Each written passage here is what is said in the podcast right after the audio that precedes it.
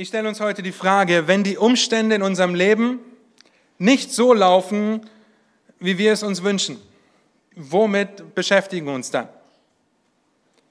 Blickst du in den Abgrund der Verzweiflung, der Wut, der Sorge, der Angst oder sogar der Bitterkeit? Versuchst du vielleicht aus deiner Sicht das Beste daraus zu machen? Das heißt, wie gehst du mit einer Krise um und womit oder was beschäftigt dich? Und was ist, wenn das, womit du dich beschäftigst, die ganze Sache nur noch schlimmer macht? Wie die Sorgen zum Beispiel, die so klein anfangen und du am Ende nur zwei Stunden geschlafen hast. Nun, womit solltest du dich beschäftigen?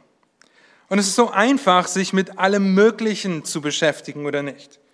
Sich mit den Freuden des Lebens abzulenken, sich betäuben zu lassen und sich vielleicht sogar in diesen Abgrund hinunterzustürzen in der Hoffnung, dass man dort unten Ruhe findet, Frieden findet.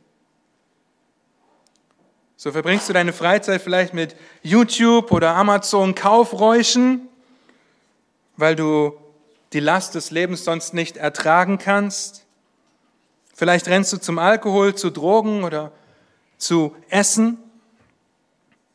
Der Nächste erhofft sich Ruhe durch die Befriedigung seiner sexuellen Begierden. Die Liste ist endlos. Nun, woher weiß ich, dass ich mich zu viel mit einer falschen Sache beschäftige? Es nimmt deine Gedanken ein und lässt dich nicht mehr klar sehen. Was sind die ersten Gedanken, mit denen du morgens aufwachst?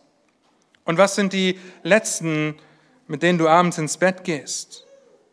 Was denkst du zu brauchen, um in deinen Augen wirklich glücklich zu sein?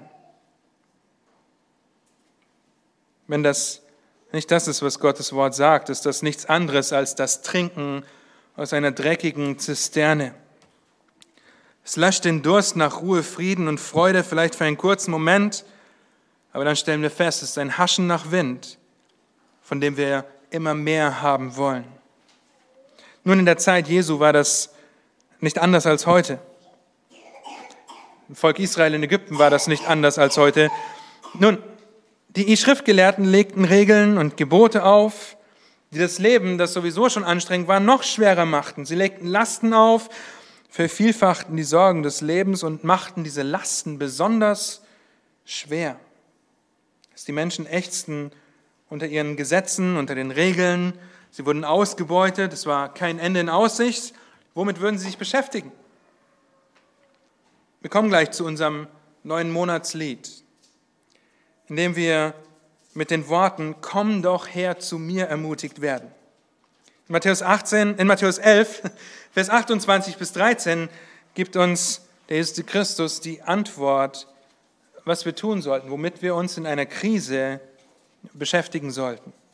Da heißt es, und ihr kennt diese Verse bestimmt, kommt her zu mir alle, die ihr mühselig und beladen seid, so will ich euch erquicken. Nehmt auf auch euch mein Joch und lernt von mir, denn ich bin sanftmütig und von Herzen demütig. So werdet ihr Ruhe finden für eure Seelen, denn mein Joch ist sanft, meine Last ist leicht. Du willst Ruhe, Frieden, Freude, Geduld in Zeiten einer Krise erfahren? Beschäftige dich mit Jesus Christus. Überlegt kurz mit mir, die Frau am Jakobsbrunnen, Sie müht sich ab, Wasser zu schöpfen. Jesus ist vor Ort und er sagt zu ihr, jeder, der von diesem Wasser trinkt, wird wieder dürsten.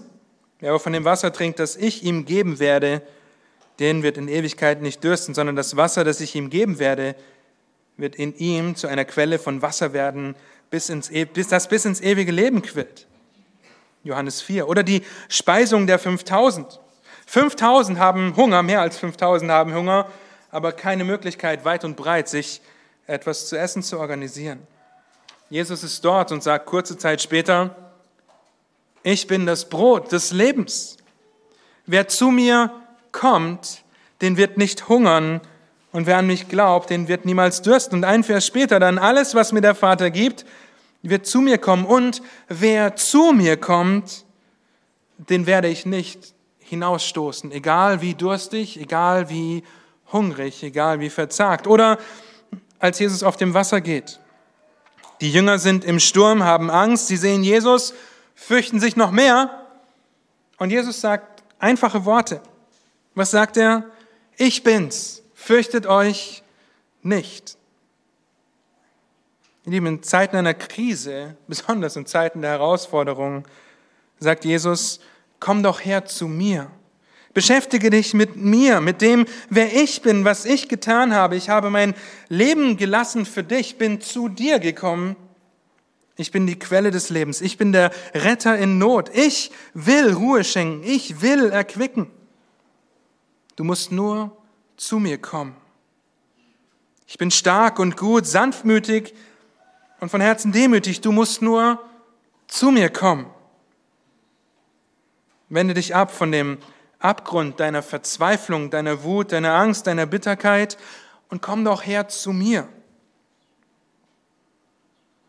Wenn du schon errettet bist, dann kannst du diese Verheißung in Anspruch nehmen. Wenn du noch verloren bist, dann ruft er dich zu, die, zu sich, weil er dein Herr und Retter sein möchte.